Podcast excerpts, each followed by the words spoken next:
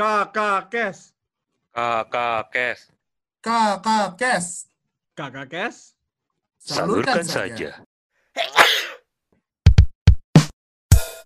Kembali lagi di Kakak Kes, masih dengan host tercinta kalian, Viva Kadri Merdeka.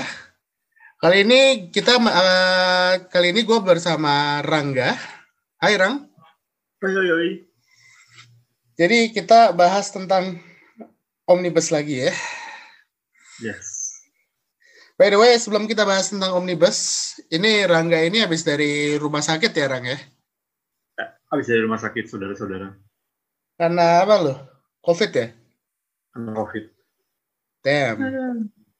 Tapi Rangga masih mau nih bahas nih tentang omnibus nih, even despite of the situasi kayak begitu ya Rang? Yoi. Pembahasan Jadi- jalan. Omnibus ini kan udah udah udah udah ini ya, sudah legal ya, sudah ketok palu ya. Dan sekarang udah ada nomornya pun juga kan ya. Nomor 11 ada. tahun 2020 kan, Undang-Undang Cipta Kerja ya. Yep. Gimana ini? Jadi kan artinya sudah efektif ya semua undang uh, hukum yang tertulis di situ ya. Jadi memang Omnibus Law ini menarik. Jadi dia berlaku sejak saat diundangkan. Jadi dia nggak pakai kayak biasanya kan kayak ada peraturan-peraturan ada yang misalnya berlaku enam bulan sejak diundangkan atau pada tanggal sekian. Nah ini nggak ada sejak diundangkan. Ya, bukan satu-satunya sih memang, tapi mengingat Omnibus Law ini skalanya cukup besar, menarik bahwa dia langsung berlaku saat itu juga.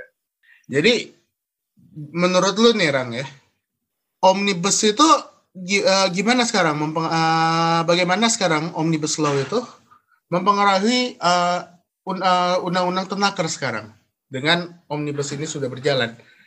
Sudah ada eh, apa? Sudah ada reaksinya nggak? Apa yang harus orang lakukan sekarang? omnibus ini jelas sangat mempengaruhi. Jadi banyak ketentuan-ketentuan di Undang-Undang Tenaga Kerja yang berubah. Terutama kalau kita berbicara mengenai kontrak PKWT, lalu pengaturan mengenai pesangon yang saat ini tidak jelas bagaimana, pengaturan mengenai outsourcing, terus juga ada pengaturan tenaga kerja asing. Jadi eh, banyak perubahan yang berhubungan dengan tenaker di Omnibus Law ini Hmm. mungkin kalau kita lihat berpengaruhnya sebenarnya masih ini eh, masih harus menunggu PP. Jadi pada awalnya kan memang dia anggap omnibus law ini akan merugikan tenaga kerja. Tapi sebenarnya kalau kita lihat ini belum tentu. Kenapa belum tentu? Karena kita ambil contoh kayak outsource.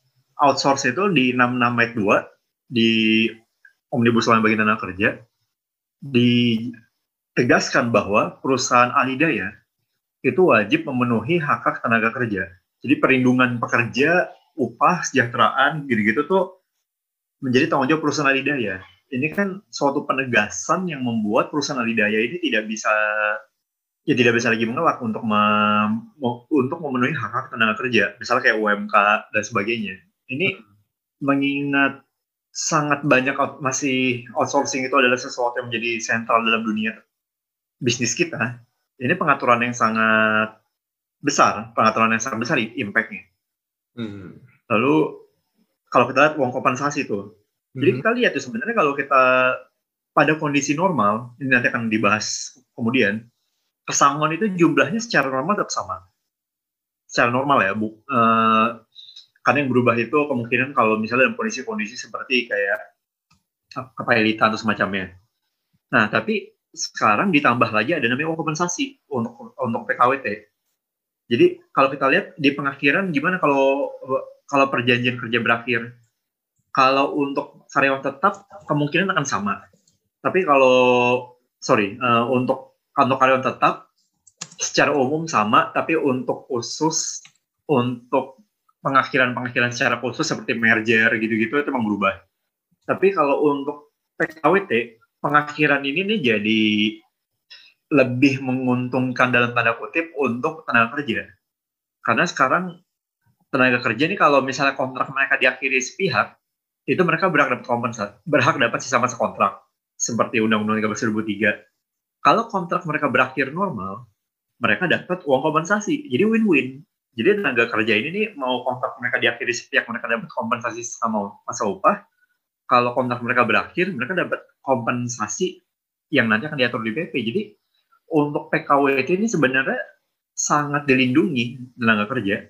Jadi ada gak yang menguntungkan pengusaha? Ada, tapi yang tenaga kerja juga diuntungkan juga. Jadi ini sebenarnya kalau kalau yang dari gue lihat mirip sama yang seperti itu di mirip seperti yang gue bilang di awal dulu di podcast yang keberapa ya gue lupa. Yang intinya bahwa ini tuh sebenarnya kayak mengganti poin kuat dan poin lemah dari tenaga kerja dan bu- dan pengusaha. Jadi yang tadinya pengusaha kuat jadi dibikin lemah, tapi yang tadinya tenaga kerja kuat jadi dikurangin juga. Jadi omnibus law ini itu sebenarnya berpengaruh sangat berpengaruh. Tapi tidak kalau misalnya bilang siapa yang diuntungkan tuh sebenarnya kayak masih prematur. Kita harus nunggu PP-nya dulu. RPP-nya gue udah lihat sih beberapa sih. RPP seingat gua kalau untuk tenaga kerja terakhir gua cek di tiga hari lalu belum keluar sih tenaga kerja. RPP-nya lebih ke yang kayak mana kemarin ya?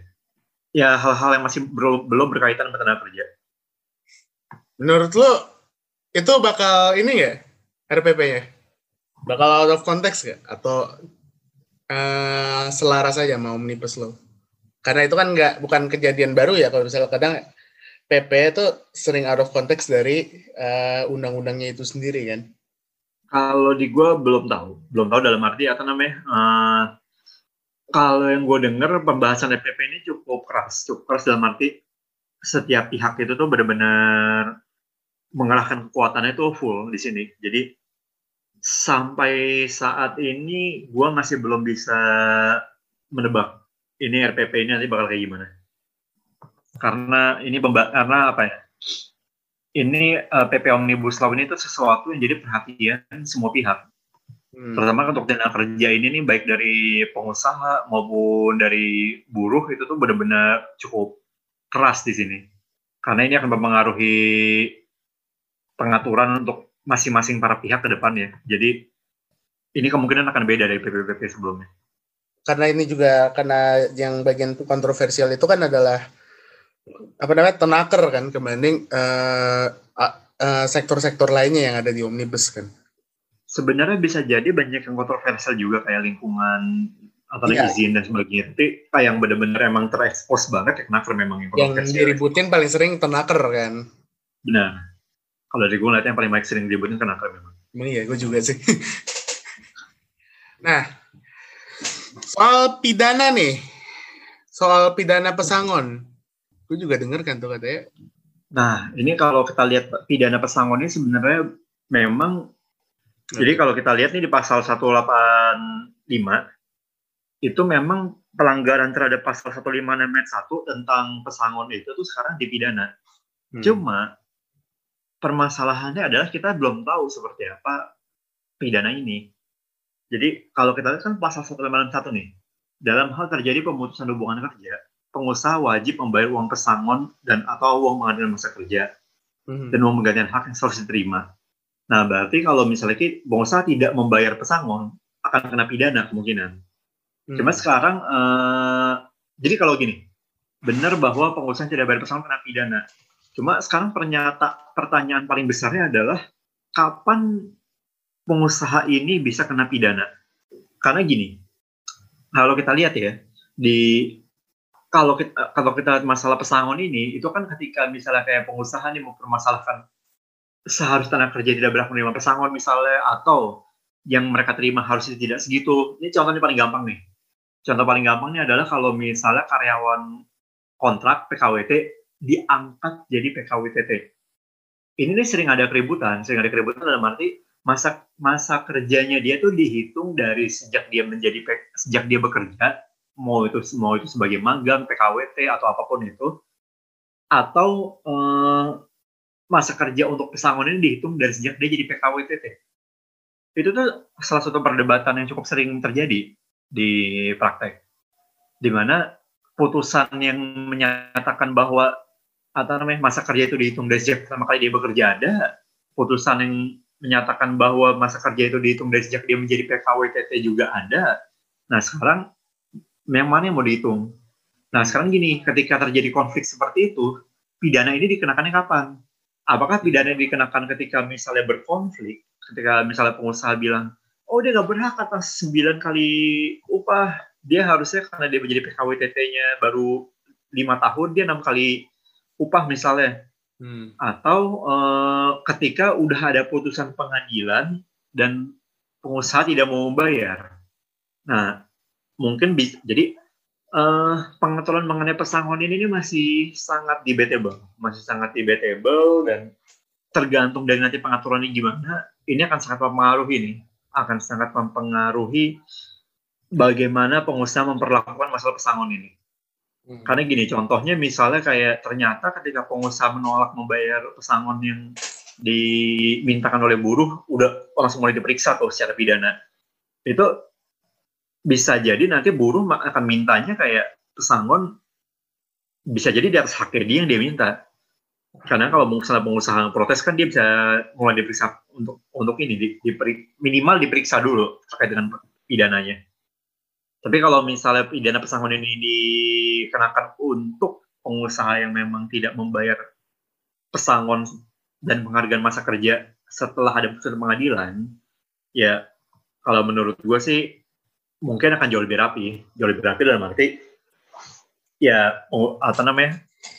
eh ya memang kalau misalnya udah ada putusan pengadilan pengusaha gak mau tetap gak mau bayar pesangonnya ya ya masih wajar sebenarnya sih kalau menurut gue untuk dipidana. Sebenarnya itu bakal nguntungin ya artinya ya, pasangka pidana di untuk pesangon ya kalau misalnya itu terjadi. Asumsikan itu terjadi gitu. Benar. Mau bagaimanapun pengaturannya, eh, pidana atau pesangon ini tuh menguntungkan pekerja. Karena kan yang tidak, yang bisa tidak membayar pesangon tuh pengusaha kan. Yes. Pekerja kan bayar pesangon ke pengusaha. Jadi ini murni menguntungkan pekerja. Tinggal seberapa diuntungkan aja. Iya. Gitu ya Bang ya. Jadi kalau soal uh, pidana ya artinya ya. Nah, terus Bang kalau kompensasi dalam omnibus law itu ada let's say ada samanya nggak sih gitu sama pesangon? Apakah itu ber- Hmm. beda atau cuman kata-katanya doang atau sebenarnya ada terminologi yang beda gitu?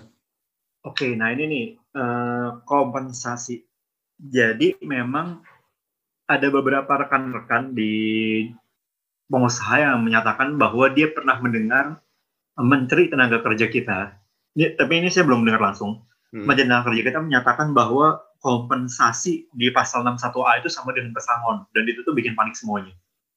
Bikin panik semuanya karena sempat bikin panik ya. Karena apa namanya? eh, kalau misalnya kompensasi ini sama dengan pesangon, wah itu cukup ribet ya tuh nanti eh, masalah PKWT.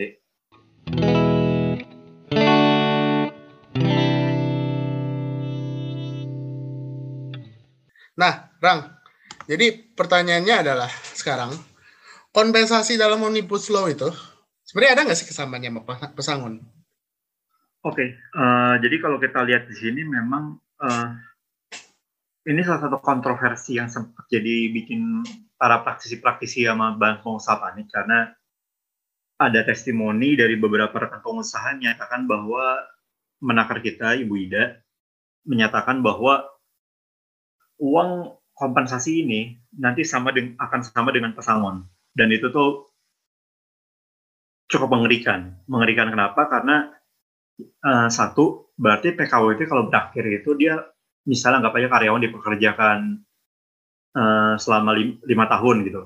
Nah itu nanti dia bisa dapat pesangonnya lumayan lumayan dalam arti cost untuk meng-hire PKWT ini kan jauh naik banget. Yang tadinya kalau misalnya mereka berakhir ya udah berakhir. Sekarang kalau misalnya berakhir dapat pesangon kan cukup gede. Apalagi kalau kita berbicara mengenai tupe. Apalagi kalau berbicara mengenai tupe di mana masa kerjanya eh, dihitung. Itu untuk perusahaan-perusahaan al-hidayah ini sangat meng- mengancam sekali kalau ini benar sama dengan pesangon.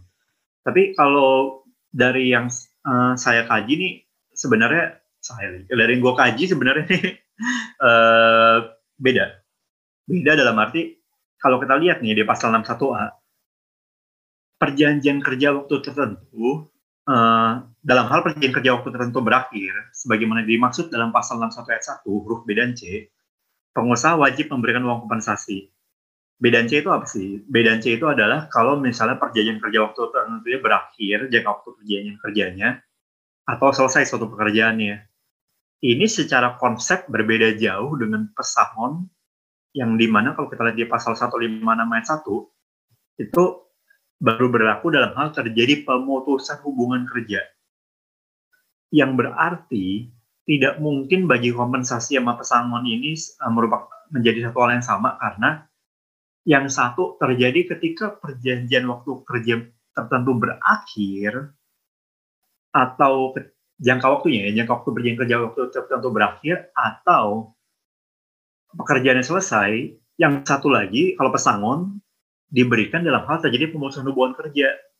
Nah sekarang kalau misalnya kita di 61A, kalau misalnya kompensasi ini baru diberikan ketika jangka waktu perjanjian kerjanya berakhir atau selesai suatu pekerjaan, pemutusannya mau dari mana?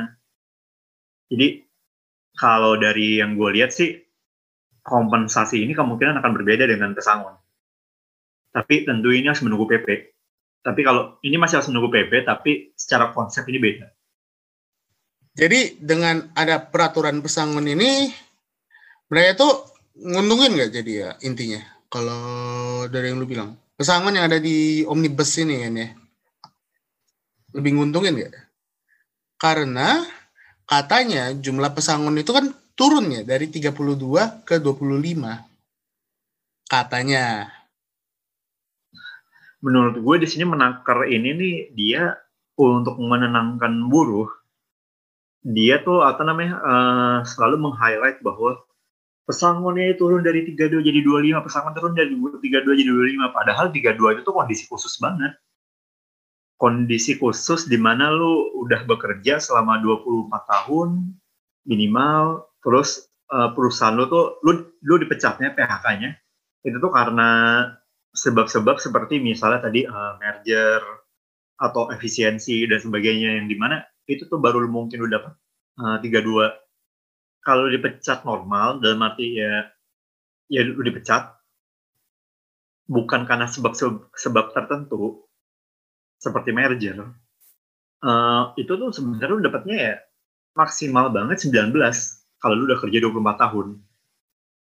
Jadi 24 tahun itu dalam arti lu dapat pesangon itu 9 kali upah dan uang penghargaan masa kerja 10 bulan upah dan itu tidak berubah sama sekali di omnibus law. Jadi kalau kita lihat tuh di omni, kalau kita lihat pesangon dalam arti pesangon uh, yang diberikan ketika dipecat tanpa sebab-sebab tertentu itu sebenarnya sama aja.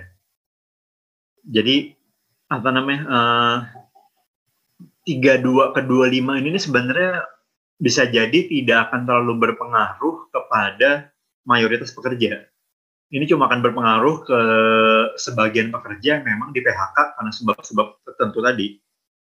Nah, tapi kalau kita lihat pasal 154A, ini sebenarnya menarik nih pasal 154A. Pasal 154A ini nih, dia menyatukan seluruh sebab-sebab khusus yang ada di pasal di Undang-Undang 13 2003 ke satu pasal, di mana dia menyatakan bahwa pemutusan hubungan kerja dapat terjadi karena alasan penggabungan, peleburan, pengambilan alihan, efisiensi dan lain-lain. Dan di mana yang menarik di sini adalah dimasukkan juga ketentuan mengenai mangkir. Jadi ketentuan mengenai mangkir ini dimasukkan juga ke pasal 154A dan ketika kita lihat di sini apa namanya ketentuan mengenai mangkir ini ketika dia misalnya diberikan di, dimasukkan ke dalam hubungan kerja ini tuh bisa sangat berbahaya buat pengusaha. Kenapa? Karena kalau kita lihat di Undang-Undang 13 mangkir ini nih masuknya ini adalah pengunduran diri dikualifikasikannya. Bukan pemutusan hubungan kerja. Kenapa ini berpengaruh? Karena yang tadinya kan kalau orang mangkir itu kan karena dikualifikasikan mengundurkan diri kan dia cuma dapat uang pisah. Nah ini salah satu yang ini nih, yang menyesatkan juga nih dari yang beredar. Jadi memang kalau kita lihat di ketentuan mengenai di Omnibus Law, yang tadinya mengundurkan diri dapat uang pisah, sekarang tuh udah enggak lagi. Tapi yang tidak di highlight adalah mangkirnya itu pengunduran dirinya itu sendiri apa mangkir itu masuknya jadi pemutusan hubungan kerja. Nah, ini tuh sebenarnya jauh lebih berbahaya daripada uang pisah. Karena, karena uang pisah tuh kalau di perusahaan tuh biasanya cuma ya berapa? 200 ribu, 500 ribu, sejuta lah. Jadi bukan jumlah yang signifikan dibanding pesangon. Nah, kalau sekarang kita lihat apa namanya uh, pekerja mangkir ini dimasukkan sebagai pemutusan hubungan kerja, ini, berarti ada potensi ketika pekerja tadi misalnya gua nih atau siapa gitu atau yang ngundurin mang, mangkir kayak gak masuk kantor selama selama lima hari kerja berturut-turut dan telah dipanggil oleh uh, perusahaan gua selama dua kali itu itu itu gue bisa jadi pesangon bisa jadi ya. Terus juga yang juga menyusahkannya adalah ketika pekerja buruh mengundurkan diri sendiri itu juga masuk pemutusan hubungan kerja. Berarti kalau misalnya ini nih sebelum ada PP ketika sekarang gue resign gue bisa jadi pesangon. Karena hitungannya ini adalah pemutusan hubungan kerja. Dan ini sangat sangat sangat sangat berbahaya buat pengusaha. Sangat berbahaya. Karena kalau memang ini benar terjadi buruh bisa sangat mengeksploitasi ini. Ini kan kemarin kita juga udah pernah bahas ya yang soal mangkir dan dan dianggap sebagai mengundurkan diri kan, which is akan harus dapat uh, akan dikasih pesangon kan. Di yes. podcast pertama kita, di episode pertama kita ini mengenai omnibus. Itu emang nggak nah. ada perubahan sama sekali ya kan waktu itu tuh udah cukup lama dan emang sudah ada perubahan diganti ada beberapa yang diganti lagi ditambahkan atau dikurangkan kan. Itu nggak ada perubahan nah, di bagian situ ya. Kalau kita lihat dari draft yang sebelumnya memang ada perubahan tapi perubahan ini lebih kepada didetailkan. Didetailkan dalam arti uh, pengaturan yang dari U13 2003 itu dibawa ke apa namanya omnibus law yang final. Bahwa yang tadinya mangkir uh, sekarang dijelaskan bahwa mangkir itu lima hari kerja atau lebih secara berturut-turut dan telah dipanggil oleh pengusaha dua kali. Ini sama dengan U13 2003 tapi pada intinya tetap bahwa kalau misalnya orang mangkir bisa saat ini sebelum ada PP dia masuknya mau hubungan kerja Hmm. Makanya ini ini ini makanya ini ini sebenarnya bermasalah banget tapi nggak tahu ya mungkin karena orang-orang juga pada belum tahu jadi kayak gak sampai jadi gelombang. Padahal kalau ada buruh atau serikat pekerja yang eksploitasi ini nih rusuh. Rusuh ini pengusaha nggak ada yang protes juga gitu misalnya nggak ada yang berkeluar-keluar juga kan kayak buruh protes. Bisa jadi di balik layar karena kalau misalnya nanti sampai ini di blow up akan banyak pengusaha yang kerepotan. Banget sih. Pada saat omnibus itu kan tujuannya mau membantu perusahaan kan sebenarnya. Jadi kayak Katanya. melawan melawan apa namanya membunuh tujuannya jadi kan seperti bisa dibilang seperti itu kan kalau tetap dijalankan. Bisa dibilang seperti itu. Hmm. Ya, ketika dibilang mungkin dia gak bilang menguntungkan pengusaha sih kan dibilangnya kan omnibus ini untuk memudahkan hmm. investasi. Ya tapi yang investasi kan pengusaha membantu pengusaha. Iya, harusnya ini menguntungkan pengusaha, tapi pada kenyataan ini banyak pasal-pasal yang kalau nggak hati-hati bisa jadi sangat berbahaya buat pengusaha. Iya.